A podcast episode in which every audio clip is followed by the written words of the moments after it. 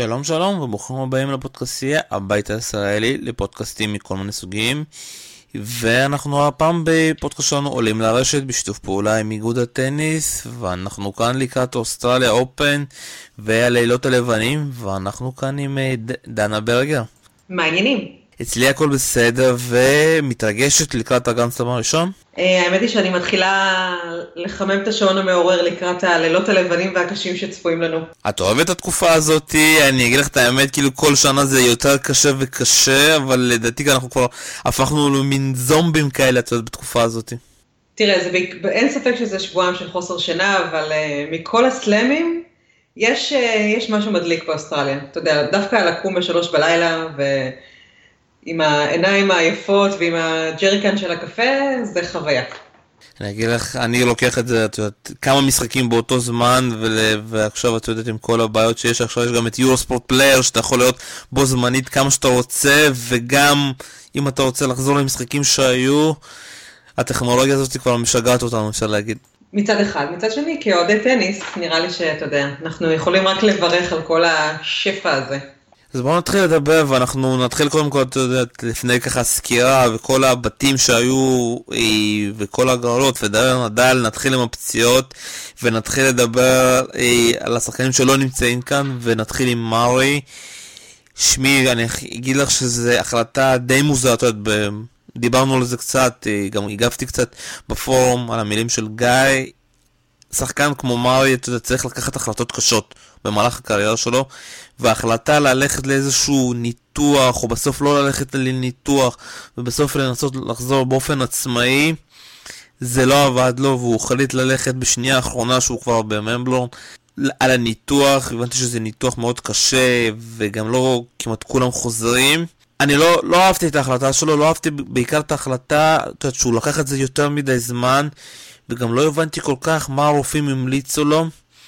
זה די מוזר, את יודעת, שחקנים אחרים אנחנו רואים כמו פדר וכמו נדל לוקחים את ההחלטות הנכונות וזה גם אם הוא אומר לקחת ניתוח בשלב מוקדם יותר וכאן מרי עשה, הרגיש לדעתי שהוא שחקן שאי אפשר אה, לפצוע אותו, שהוא לא יכול להיפצע או שהוא מין שחקן מבחינה אתלטית שהוא יכול לחזור מכל דבר והנה כאן הוא נאלץ לעשות את הניתוח והוא בחוץ עכשיו לעוד חצי שנה. תראה, אני לא יודעת אה, מה, נכון, אף אחד מאיתנו לא יודע מה היו השיקולים שלו מאחורי ההחלטות שהוא קיבל. אני מניחה שהוא ניסה לחזור ואולי חשב שהוא יוכל לחזור גם בלי הניתוח. אה, אבל השני משחקים, שלושה משחקים שהוא שיחק בחודשים האחרונים, כנראה הראו שהוא עדיין לא לגמרי מוכן, ואני מניחה שאם הוא יכול היה לחזור, או אם הוא היה חושב שהוא בדרך להחלמה, הוא היה אה, נמנע מהתערבות של ניתוח. שוב, אנחנו לא יודעים מה באמת קורה שם ומה מה היו ההחלטות, מה היו ההתלבטויות, מה היו האפשרויות. אני, אני נוטה להאמין שהוא מוקף באנשים שידעו לתת לו את העצה הנכונה ולכוון אותו לכיוון הנכון. כן, זה אומר שהוא, לפי הערכות שלו של לחזור בעונת הדשא, זה אומר שנה מחוץ לסבב. זה לא החצי שנה שרוג'ר או נובק לקחו, אה, או סטן לצורך העניין. זאת הפסקה מאוד מאוד ארוכה, והוא גם לא בחור בן 22, זה יהיה די קשה לחזור מזה. אני אגיד לך משהו מעצבן אותי, שאני מסתכל סתם דוגמה על נובק וגם על פדר וגם על נדל, שהם לוקחים החלטות, הם לוקחים החלטות שיש בהם איזשהו סיכון, אבל הם יודעים איך הם חוזרים. אני הרגשתי שמרי, קודם כל זו הפציעה הראשונה המשמעותית שלו, והוא גם די נבהל. והחשק הזה לחזור למשחק כמה שיותר מהר ולשחק, וגם יכול להיות שאתה יודע, המשחק הזה מול קווירי, שהוא המשיך לשחק שם פצוע, בגלל כל העניין הזה של היוקרה, שלא פרושים, ומשחקים עד הסוף, יכול להיות בסופו של דבר זה דווקא, אתה יודע, הגדיל לו את הפציעה, וגרם לכך שהפציעה יותר משמעותית. יש כאן הרבה החלטות שלו שאני, שוב פעם, בדיעבד, ואת יודעת, אם אנחנו היינו בצד שלו, יכול להיות שההחלטות האלה הגיוניות. הן יותר מדי נמערות ונלקחות קצת מהרגש ולא מהראש. תראה, אני חושבת שכל אחד מהשחקנים אנחנו יכולים לבקר, גם נדל לא ידוע בתור שחקן שיודע מה זה לנוח כמו שצריך, עובדה שהוא uh, סובל מלא מעט פציעות בקריירה, גם ג'וקוביץ' משך את הפציעה שלו די הרבה זמן עד שהוא החליט לפ... uh, לקחת את פסק זמן, היה לו איזה חודש שהוא שיחק פצוע. שוב, אנחנו, קשה לנו מאוד להעריך מה קורה שם מאחורי הקלעים, אני דווקא מכבדת את העובדה שהוא לא פרש ממשחק כי משחקים עד הסוף ולא נכנעים, אנחנו לא מזמן שמענו ויכוחים כאלה על שחקנית ישראלית שאנחנו לא נזכיר את שמה בסיטואציה הזאת, אבל זה, זה דיון שהוא בפני עצמו. אני חושבת שהוא מקבל את ההחלטות שלו עם איזה שאתה יודע, יש לו, מוקף בצוות, זה לא רק מרי לבד מקבל החלטות, יש רופאים, יש מאמנים, בוא, בוא ניתן לו, אתה יודע, את הספק שהוא יודע מה הוא עושה ושהצוות שלו יודע מה הוא עושה, והם מקבלים את ההחלטות שהם צריכים לקבל, קשות ככל שיהיו. אני מאמין שאנחנו נדבר עדיין על את הפציעות שגם על חזרה של נובק ועל סטן, אבל למה את חושבת פתאום שהסבב נכנס, גם ראוניץ' חוזר מפציעה, הרבה שחקנים חוזרים מפציעות, פציעות שקצת, שקצת אה, שיעממו לנו קצת במרכאות, אפשר להגיד, את החצי שנה האחרונה, ויכול להיות שאנחנו עוברים ל... אפשר להגיד שמרוב שהספורט נהיה מאוד תובעני, כך בגלל זה גם הרבה שחקנים נפצעים, כי לשחק משבוע לשבוע נהיה יותר קשה מאשר אה, לפני עשר שנים, לפני עשרים שנה. תראה, אין ספק שהסבב היום הוא יותר תחרותי. אה, אני חושבת שאתה יודע, שים לב שלא רק הם, אבל כמה הבכירים ביותר אה, סבלו מפציעות בשנים האחרונות, כי אני חושבת שהסבב באמת, גם ברמות המאוד מאוד גבוהות, נעשה מאוד מאוד תחרותי, מעבר לעובדה שהמשחק עצמו נהיה מאוד תובעני. אז זה לא מאוד מפתיע, גם שמענו את השחקנים, חלק מהם יותר, חלק מהם פחות, כמה הם מתלוננים על העונה הארוכה ועל ה... אה, אה, שאתה יודע, השגרה המאוד מאוד שוחקת שלהם. אין ספק, העונה מאוד ארוכה, ואתה יודע, מי שמגיע רחוק בסלאמים גם חווה יותר משחקים של טוב מחמש. מצד שני, הכל עניין גם של, אתה יודע, לדעת לשמור על עצמך. זאת אומרת, אנחנו כן יודעים ששחקנים כמו אה, פדרר הצליחו לעבור קריירה שלמה כמעט בלי פציעות. זאת אומרת, הוא בסופו של דבר נפצע וידע לעצור את זה בזמן ולטפל בעצמו, וראינו אותו חוזר מזה ולוקח סלאם מיד כשהוא חוזר. אה, אז הכל באמת שאלה של גם בתוך זה, איך אתה מתנהל. חלקם לא, לא השכילו, אה, אבל אין ספק שהסבב כרגע עובר איזשהו שינוי. זה לא דבר רע בעיניי, אני לא חושבת שהסבב היה משעמם עם כל הפציעות. כי דווקא כל הפציעות האלה נתנו לנו, אתה יודע, הטורניר בלונדון היה משהו משוגע לחלוטין, בתור מישהי שהייתה שם זה לא היה לי כיף, אבל זה היה טורניר משוגע לחלוטין עם דימיטרו ועם גופן. זאת אומרת, אנחנו, זה דווקא ההזדמנות של הצעירים יותר לעשות את המהלך שהם, אתה יודע, סוף סוף יש להם את הפתח לעשות. אז uh, במקום להשתעמם, uh, אפשר ליהנות מההפתעות שזה סיפק לנו. את רוצה שאני אזכיר את המאזן ש... ש... של פדר שאת נמצאת בסביבה? בבקשה. זה 0-4, אני לא טועה? כן, כן, כן. תודה. אנחנו נמשיך מכאן וככה נעשה איזשהו בריף קצר ככה אה, לקראת ההגרלה ונתחיל עם ההגרלה של נדל שפותח מול אסטרלה בורגוס. אפשר להגיד, את יודעת, כל, ה... אה, כל מה שקראתי בינתיים ביומיים האחרונים, הגרלה קלה, עוד פעם נדל עם הגרלה, אין כאן איזשהו שחקן שאת יודעת יכול כזה אה, להפריע לו חוץ מפציעה של נדל, ואז כאילו תעשה עוד פעם איזשהו ת, אה, חצי כזה משעמם כמו שהיה לנו עם אנדרסון ביוס אופן, ובואו כאילו, אתה יודע, אני מאוד מעניין אותי לראות את נדל, ומעניין אותי עם הפציעה שלו, שאת יודעת, שקרתה בסוף בלונדון, האם הוא הצליח לחזור? כי לדעתי הוא עדיין לא בריא במאה אחוז. תראה, אני מסכים, אני חושבת שבאמת, אה, כמו שאתה אומר, היריב הגדול ביותר של נדל והמכשול הגדול ביותר של נדל בחצי שלו, זה הברכיים שלו. כי מעבר לזה ההגרלה שלו די פשוטה, אם אנחנו נסתכל אפילו, לא נלך רחוק, רק בתוך הרבע שלו. Uh, היריב הכי הכי קשה שצפוי לו זה איזנר בערך. Uh, אין שם איזשהו מוקש, אין לו, אתה יודע, עם הדירוגים המוזרים שיש לנו בתחילת השנה בגלל כל הפציעות שהיו לבברינקה אה, ולג'וקוביץ', uh, אז איכשהו נדל הצליח להתחמק מהם, והם לא נמצאים אצלו. אה, וזה די משאיר את החצי שלו, ובמיוחד את הרבע, אתה יודע, עזוב את החצי, להסתכל יותר קטן. אין לו מוקשים, זה אמור להיות מאוד מאוד פשוט מבחינתו, ואם משהו יכניע אותו בדרך, אה, זה יהיה רק הברכיים שלו. טוב, מאוד מעניין, את יודעת, אה, ראיתי איזשהו קצת קטע קטן מתוך כל המשחקי הראווה שהיו השבוע, והוא נראה בסדר, ושוב חייבים לזכור שזה משחקי ראווה. ויהיה מאוד מעניין לראות אותו, בש... לא דווקא בשבוע הראשון, כי את יודעת, עם הגרלה כזאתי, לדעתי הוא יעבור אותה בקלות, אבל שהלחץ יתחיל בשבוע השני, ויהיה מאוד מעניין. אה, נגיד מילה על איזנר, את מצפה ממנו משהו? אפשר לצפות ממנו משהו? ממנו למשהו בסלאמים, מזמן. זאת אומרת, על פניו אתה אומר, יש לו, זה כן שחקן שאמור לעשות משהו בסלאמים, יש לו את ההגשות, יש לו, דורג 16 לא סתם, אבל הוא פשוט פעם אחר פעם נופל ומאכזב, ואתה יודע, יש לו את נדל, אז גם אם הוא יגיע לרבע, את הרבע הוא כנראה לא יעבור. אני לא מצפה ממנו גם להגיע לשם. כן, זה משהו מוזר שהוא תמיד די מתקשר בגרנד סלאמים.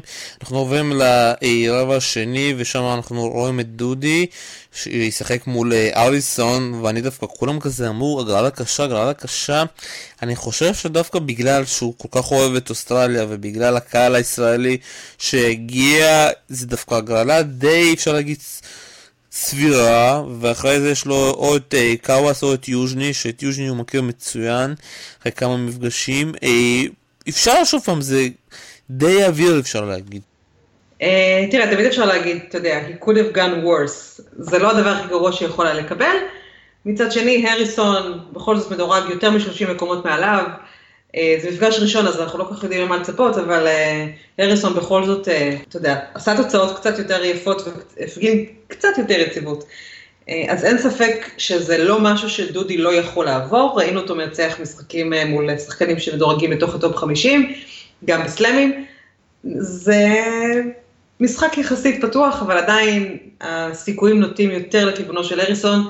אם דודי מנצח פה, זה מבחינתי הפתעה גדולה וכיפית כמובן. ברבע זה השחקן הכי, אתה יודע, שאפשר לצפות ממנו משהו זה סיליץ', כמו כל מי שמכיר אותי יודע שאני לא כל כך אוהב את השחקן הזה, לא כל כך מתחבר, ולדעתי את כן מתחברת אליו, ואת חושבת שהוא יגיע כאן רחוק?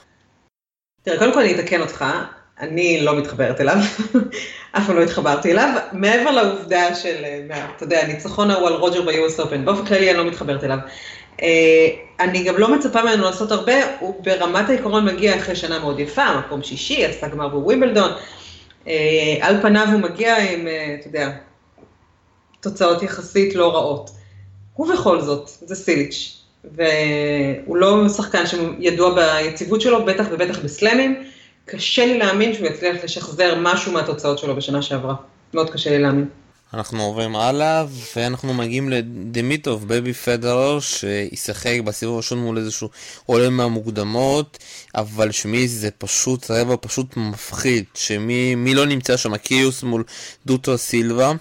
וצונגה אה, ישחק בהתחלה מול אה, עולה אה, מהמוקדמות, ואז הוא יפגוש או את שפובלוב, או, הצלחתי להגיד את השם הזה, או מול ציפיס היווני הצעיר, ולא בטוח שהם יגיעו גם אחורה כי קיוס זה מפריע להם שמה, איזה רבע מפחיד אפשר להגיד. תראה, אם אני יכול להגיד את האמת, החלק הזה של ההגרלה, אה, זאת אומרת, כל החלק הזה של נדל, הוא חלק די משעמם, זאת אומרת, אין בו הרבה שמות גדולים.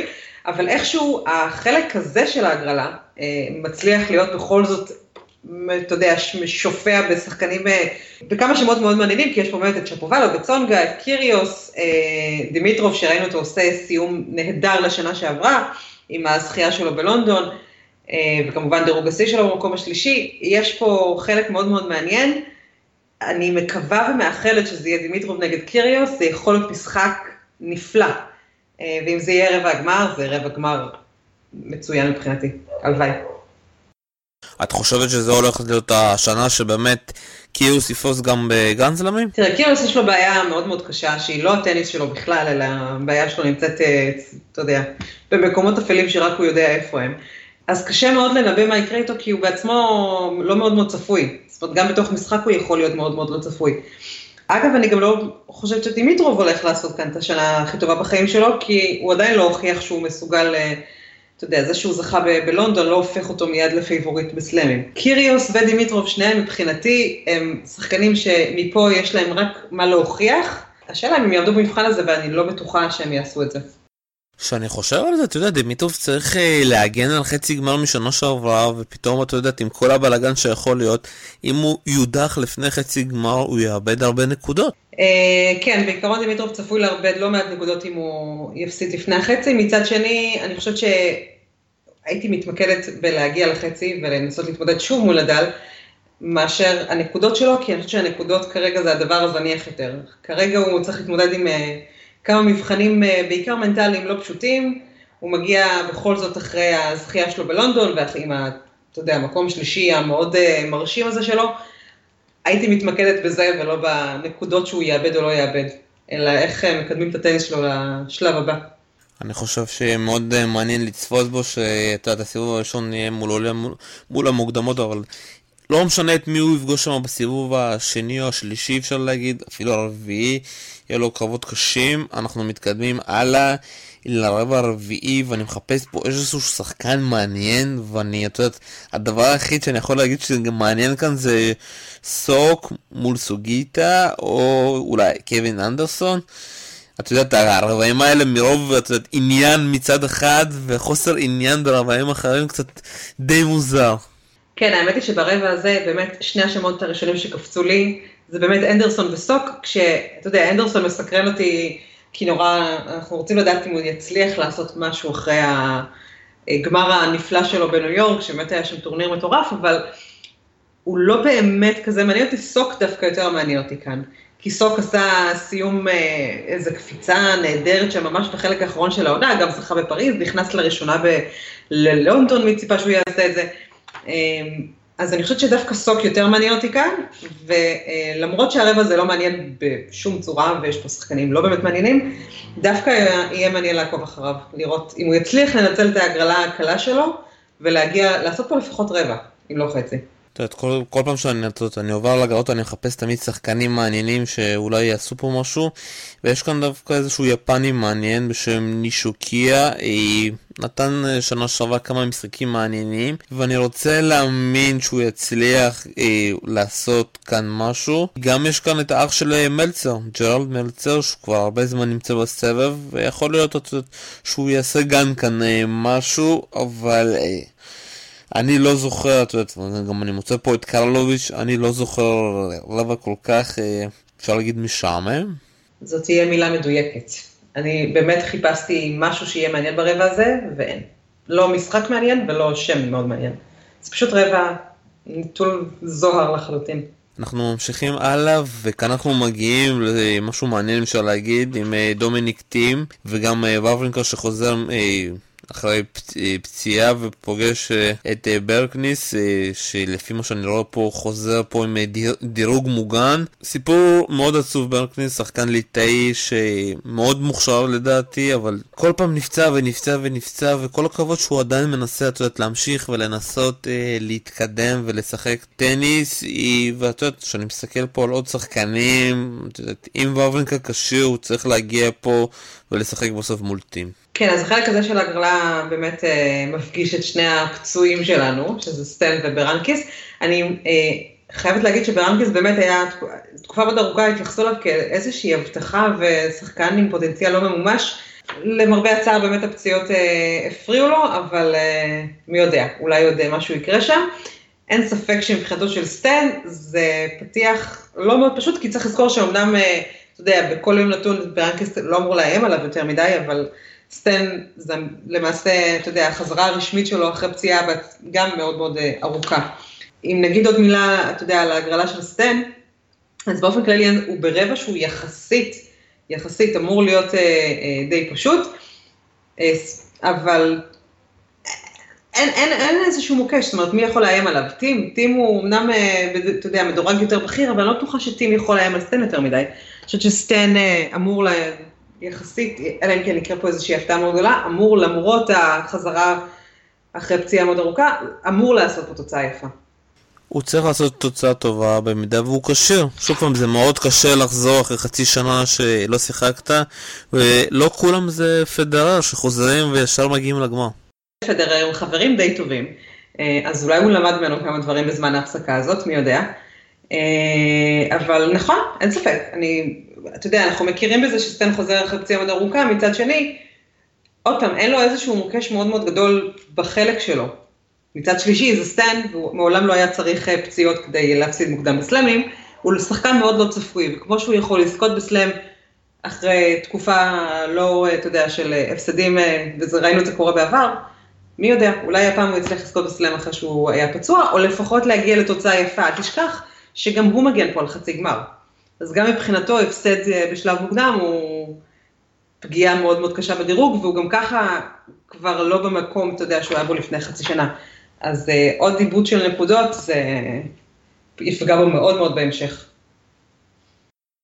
טוב, אתה יודע, זה... כבר שכחתי את המשחק שלו ושל פדר בחצי גמר, עבר כבר שנה. שוכחים די מהר, ואנחנו מגיעים עכשיו לרבע לדעתי אחד המעניינים, את יודעת, חיפשנו תמיד, את יודעת, לפני פרסום הגרלה, איפה נובק ייפול, על נדל, על פדר, ובסוף הוא נופל על זוור, והמסכן ששנה שעברה נפל על נדל, שחזר אחרי פציעה והפסיד לו. ולצערי, לצערי אפשר להגיד שהוא נופל הפעם על אה, נובק, בואו נדבר קצת על נובק, יהיה, הולך להיות מאוד מעניין. הבנתי לפי השמועות שהוא גם שינה את הסרף שלו, שזה לא יפגע לו יותר מדי במרפק, משחק עם תחבושת מיוחדת, הרבה יודעת, סימני שאלה, והוא עדיין לא כל כך אה, בטוח בעצמו. יהיה מאוד מעניין לראות אותו, האם נובק יצליח, יודעת, מנטלית לחזור מהפציעה הזאת, כי אני מאמין שכל דקה שהוא משחק הוא חושב תמיד על הכתף. אין ספק, אני, קודם כל צריך לזכור שגם לפני שהוא נפצע, אה, נובק של 2017 אה, לא נתן תוצאות מאוד מאוד גרועות, כן, אבל הוא גם לא נתן תוצאות מדהימות, יחסית לסטנדרטים שג'וקוביץ' הרגיל אותנו אליהם בשש שנים האחרונות.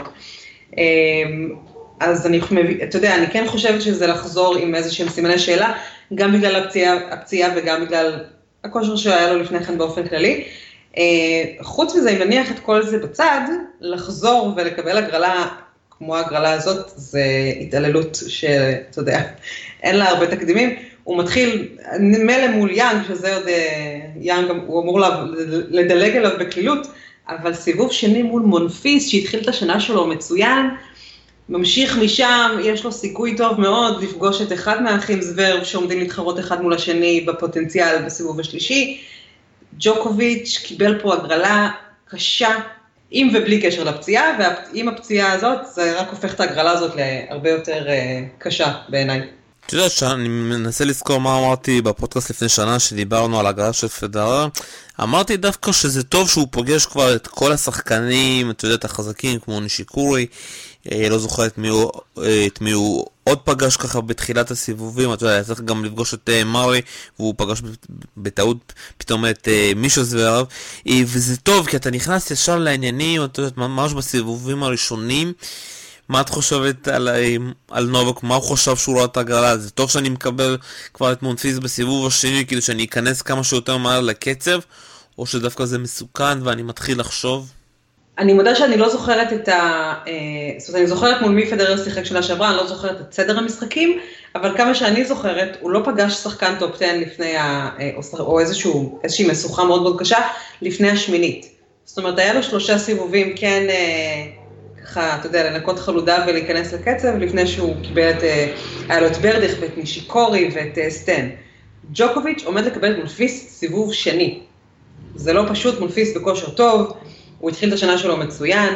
אני זוכרת היטב את המשחק שלהם ב-US Open, מונפיס אה, גרם לנובק לעבוד מאוד מאוד קשה לפני שנה וחצי. אה, באופן כללי, כן, ג'וקוביץ', אתה יודע, יכול להתמודד עם שחקנים כמו מונפיס וגם שחקנים הרבה יותר קשים ממנו. בסיבוב השני, אחרי פציעה, אחרי היעדרות ארוכה, כמו שאנחנו אומרים, עם איזה שהם אולי ספקות או חוסר ודאות או חוסר ביטחון, זה יכול להיות סיבוב מאוד מאוד קשה, וזה גם יכול להיות אה, מכשול שיפיל אותו. טוב, יהיה מאוד מעניין לעקוב אחרי נובה, כולנו אה, נעקוב בטח, ויהיה באמת מעניין לדעת איך הוא יחזור מהפציעה, אתה יודע שאני מחפש פה עוד שחקנים, אתה יודע, שמות מעניינים, אני רואה פה את אה, צ'אנג, שזה צריך להיות השנה שלו, שחקן שנתן כמה תוצאות אה, יפות שנה שעברה, וגם אפשר אולי להזכיר את מדוודיה הרוסי, שפתאום יש לנו דור רוסי חדש ודי מעניין. כן, השאלה אם הם יצליחו לעשות משהו, אתה יודע. אין להם יותר מדי רחוק להגיע. זאת אומרת, בכל זאת, אה, שני השמות שציינת מקבלים את אחד מהאחים זוורב בדרך. אה, אז אתה יודע, כנראה שזה לא יהיה הטורניר שבו הם יצליחו לעשות אה, הפתעה גדולה. אנחנו נמצאים באוסטרליה, את יודעת, כל דבר פה אפשרי. נכון, ובכל זאת, יש לנו פה, אני, אני יש לי תחושה שאנחנו עומדים לראות אה, קרב בין האחים בסיבוב השלישי. בא לי לראות קרב כזה, אני אשמח אם הוא יקרה. הוא יהיה מאוד מעניין, את יודעת, שנה שעברה אני אמרתי שזוורב יגיע לגמר, השנה די קשה לי להמר על זה. אה, אני דווקא, אני לא יודעת אם גמר, אבל אני מאמינה שזוורב יכול אה, לעשות פה תוצאה מאוד מאוד יפה, מאוד מאוד יפה בעיניי. שזה לנצח את נובק? יכול להיות שכן, בכל זאת נובק שוב חוזר מפציעה, הוא גם יגיע די גמור אחרי, אה, מפגשים, משחקים לא פשוטים שצפויים לו, יש מצב שהוא יצליח להפתיע גם את נובק, כן. אני לא בטוחה שזאת אפילו תהיה הפתעה מאוד מאוד גדולה, לנוכח, אתה יודע, הדירוגים שלהם והמצב, אה, הכושר של כל אחד מהם. טוב, מאוד מעניין, אה, קשה לי כבר, אני כבר, אני אגיד לך את האמת, נמאס לי כבר להמר לזוורמן, אני תמיד סומך עליו, הוא אומר, רון גרוס, אתה תגיע רחוק, יש לך הגרלה פתוחה, US Open, אין לך שחקן שאתה יכול, מישהו יכול להפריע לך. פתאום הוא מפסיד לי לקוריץ' ו... או בסיבוב הראשון בכלל ברון גרוס, אה, די מפתיע, אנחנו עוברים הלאה ויש פה גם שחקנים ברבע השביעי מעניינים, אה, גוף מאוד מעניין עם אה, כל מה שקרה בלונדון זה היה מקרי או לא מקרי, כי זה תנאים שונים, כולם מגיעים מאותה נקודה. והוא צריך להגיע כאן רחוק, אני גם רואה פה את ברדיץ' שעדיין חי ולא רוצה לפרוש כמו חברו סטפאנק. הוא ישחק מול אה, דמינר, השחקן האוסטרלי הצעיר בן ה-18 שמגיע ככה עכשיו בשבוע הזה לגמר. דל פוטרו, שאת יודעת, אם הפציעות נגמרו, אנחנו כבר חייבים לראות אותו במעמדים הכי גדולים, ואין כאן תירוצים. או שאת יודעת, הוא, הוא כבר נמאס לו, את יודעת, אה, או שהוא... לא בדיוק נמאס לו, אבל מגיע ליהנות מהמשחק, והוא לא מחפש את התוצאות, או שהוא לא מחפש לכבוש את הפסגה. אני חושבת שהוא כן מחפש את התוצאות, אני חושבת שהן אה, מאוד מאוד חשובות לו, במיוחד בסלאמים. הוא עדיין, אה, אתה יודע, יש לו, יש איזושהי, כל מיני, יש כל מיני דיבורים על הסלאם השני של דל פוטרו שלא מגיע כבר אה, שמונה שנים, יותר משמונה שנים. אז אני חושבת שהוא כן משחק בשביל התוצאה, והוא כן, אתה יודע, לא בא בשביל הכיף. זה לא פדרר, שכבר שיג כל שיא אפשרי.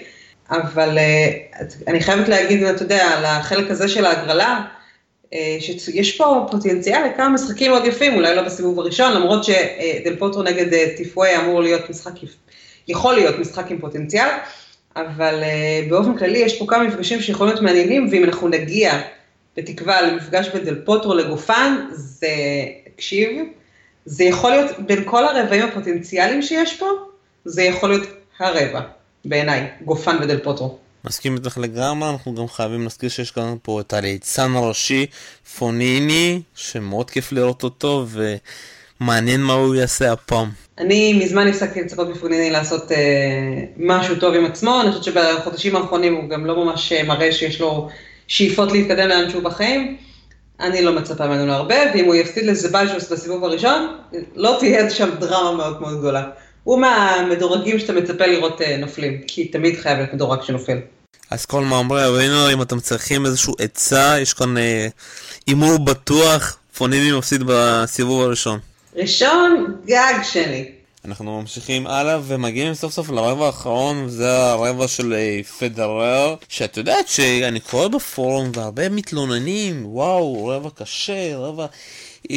אני מסכים שזה רבע יותר קשה ממה שנדל קיבל, אבל עדיין, אתה יודע, שאני מחפש פה שחקנים שיכולים להפריע ראוניץ' אחרי פציעה, גסקה, אין כאן מישהו שבאמת יכול להשפיע לו, להפריע לו בכלל עד שמינית הגמר, על מה כולם אה, פה נבהלו? אין אף אחד שיכול להפריע לו גם עד הרבע, כי גם בשמינית, בהנחה שהוא יקבל את קווירי או את ראוניץ', זה לא באמת, אה, אתה יודע, איזה שהם מכשולים קשים.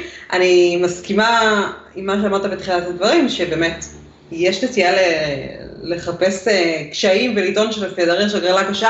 בוא נגיד את זה דוגרי, אין לו הגרלה קשה, לפחות לא עד השמינית. אם ברבע הוא יקבל את אה, דל פוטרו, את גופן, זה באמת יהיה כבר הרבה יותר קשה, שניהם יודעים לנצח אותו, הם עשו את זה בחצי שנה האחרונה, כל אחד מהם, אבל לפני כן, אני לא רואה שום אתגר בדרך, לא בדנה, לא סטרוף, לא גסקה, אין, פשוט אין שם שמות, אם הוא יפסיד יותר מוקדם מזה, זה, זה לא סימן טוב, בוא נגיד את זה ככה. בוא קצת נדבר באמת כל מה שקורה עם פדר, אני מרגיש שהוא כבר, את יודעת, נהפך למין איזשהו כוכב, שהוא כבר, את יודעת, הוא, הוא משחק בשביל הכיף, ועדיין יש את, את יודעת, המחויבות הזאת של הרצינות הזאת. אני סתם נותן לך דוגמאות, מה שקרה בגביע אופמן, על כל הרעיונות שלו, על כל הצחוקים שלו עם בנצ'יץ', ואני בכלל מרגיש מהצד שכל ההוויה התקשורתית שלו, הוא ממש נהנה, וכל שנייה שהוא בסבב, הוא כאילו כבר אומר, אני כבר אה, בפנסיה, והרצינות שהוא באמת נכנס, זה רק כשהוא, אתה יודע, השעה הזאת, שעה, השעה וחצי הזאת שהוא משחק בטורניר משמעותי, ואני מנסה להבין האם זאת הדרך שאנחנו באמת צריכים, את יודעת, אה, לקוות, וגם סתם דוגמה, כל אוהדי פדרר, האם זה טוב להם, או שאתם עדיין מחפשים את הרצינות הזאת גם מאחורי הקלעים, הרצינות הזאת שלא הייתה לו שהוא יכל להגיע למקום הראשון, וחלק מהאוהדים כן מצאו שהגיע למקום הראשון, והוא כבר אמר, לא, זה כבר לא מעניין אותי, הבריאות שלי יותר חשובה. איפה את נמצאת במחשבות האלו שלי? תראה, ברור שכולנו היינו רוצים אה, לראות את פדרר מקום ראשון, מבחינתי לפחות בתור אוהד פדרר, זאת לא הייתה השאיפה. זאת אומרת, גם את השיאים שקשורים למקום הראשון הוא כבר שבר מזמן. זאת אומרת, כרגע באמת ההתמקדות היא בבוא נעשה כמה שיותר סלאמים, לא כי אני חושבת שמישהו ישיג אותו בקרוב, זה לא מדאיג אותי, כי גם אם זה יקרה זה לא נורא מבחינתי, אבל uh, כרגע, כל עוד הוא משחק והוא בריא ואנחנו רואים טניס יפה, ובשנה האחרונה הוא נתן לנו רגעים uh, מאוד uh, כיפים לאוהדים שלו, אם הוא יסיים את השנה במקום ראשון או מקום שני או מקום שביעי, זה באמת פחות דרמטי. בדרך כלל גם יש מן הסתם קשר בין תוצאות יפות לבין דירוג, אז אה, קודם כל שימשיך לשחק וייתן לנו תוצאות יפות, ויחסוך לנו את התקפי הלב שהורידו לכל אוהדי פדרר לפחות 7-8 שנים מהחיים. ומה אתה עושה, יש לך משהו להגיד לגבי ההתנהלות, מה שקורה מאחורי הקלעים, ה over רעיונות האלה, החוסר הרצינות הזאתי? לא, אני לא חושבת שיש שם משהו שהוא חריג לעומת השנים האחרונות, לפחות לא כמו שאני רואה את זה. זאת אומרת, אם אמרת שהוא במעמד של כוכב, מתי הוא לא היה במעמד כזה? זאת אומרת, אני לא רואה איזשהו שינוי דרמטי השנה או בחודשים האחרונים לעומת מה שהיה לפני. בעיניי זה די אה, נשאר אותו דבר. אני חושב שהוא פשוט נהיה יותר מדי חופשי עם התקשורת וכל ההתנהלות שלו מאחורי הקלעים יותר קלילה וזה מראה לי כזה מצד אחד איזשהו מין זלזול ומצד שני אפשר לתת להבין אותו, כבר נמצא בגיל כזה שמה שחשוב לו זה באמת לשחק והוא רוצה ליהנות מכל רגע. אנחנו כבר מגיעים ככה לסיום הפודקאסט ואת יודעת אה, אני חושב שיהיה טורניר מעניין, יש פה כמה רבעים מאוד מעניינים, ואנחנו מגיעים לשאלה, את יודעת, הקשה. מי הולך להיות בגמר? שאלה באמת קשה, אתה יודע, אם אנחנו מנסים לנחש מי, הייתי שמחה להגיד פדרר ונדל, אבל uh, זה, יש פה הרבה משתנים שאנחנו לא יודעים, כמו מצב הברכיים של נדל ופדרר, יש לו בכל זאת את ג'וקוביץ' ואת סטן ואת uh, דל פוטרו וגופן. בוא נגיד ככה, אה, נדל, אלא אם כן יש פציעות כלשהן. אני מצפה לחלוטין שהוא יגיע לגמר. בחצי של רוג'ר, קשה לי מאוד מאוד להמר. בא לי נורא להגיד רוג'ר, אבל uh, יש לו, יש מוקשים ברבע ובחצי. טוב, שמי, לדעתי זה מאוד קשה כאן לבחור, אבל מה שאחד בטוח, אני חושב שפדרר, עם ההגרלה שיש לו, הוא חייב להגיע לגמר, והוא יכול, אתה יודעת, פה, אה, להגן על התואר שלו, מי יגיע מהחצי של נדל, מאוד קשה לה, להגיד, כי שוב פעם, אם נדל חוזר עם פציעה, אני לא, לא רואה אותו מגיע רחוק. ואני חושב שזה רבע מאוד בעייתי, ויכול להיות שאנחנו גם נמצא שם בסוף איזשהו מין אנדרסון כזה שאף אחד לא ציפה, והגיע מהחצי שלו. אבל דבר אחד בטוח, אני חושב שיהיו לנו הרבה משחקים מעניינים, והרבה משחקים שאנחנו נדבר עליהם, ויהיה מאוד כיף. כן, לילות לבנים, לפחות נקבל טניס טוב בהם, לא? לגמרי. זהו, לדעתי אנחנו מסיימים. עוד משהו מעניין שלא דיברנו עליו? לא, רק אה, נאחל שאתה יודע, לפחות בסבב אנשים, אם ווזניאק ייקח שנה סלם, אנחנו נהיה מרוצים. חוץ מזה, הכל בסדר. טוב, אז ככה אנחנו מסיימים, ומכאן ההוראות, תגיעו, תצפו בטניס, אה, אפשר להקליט ביורוספורט, אפשר לקחת, אה, לקנות את Eurosport Player, יש דרכים לראות טניס, שבועיים. ככה אפשר ככה, אתה יודע, להגיד שבועיים אנחנו רואים רק טניס, אה, יהיו הרבה משחקים מעניינים, ומכאן אני רוצה להגיד תודה לדנה ברגר. תודה לך. וכאן אנחנו מסיימים את הפודקאסט שלנו, עולים לרשת, בשיתוף פעולה עם איגוד הטניס, מקווה שנהנתם, יאללה Australian Open, ביי ביי.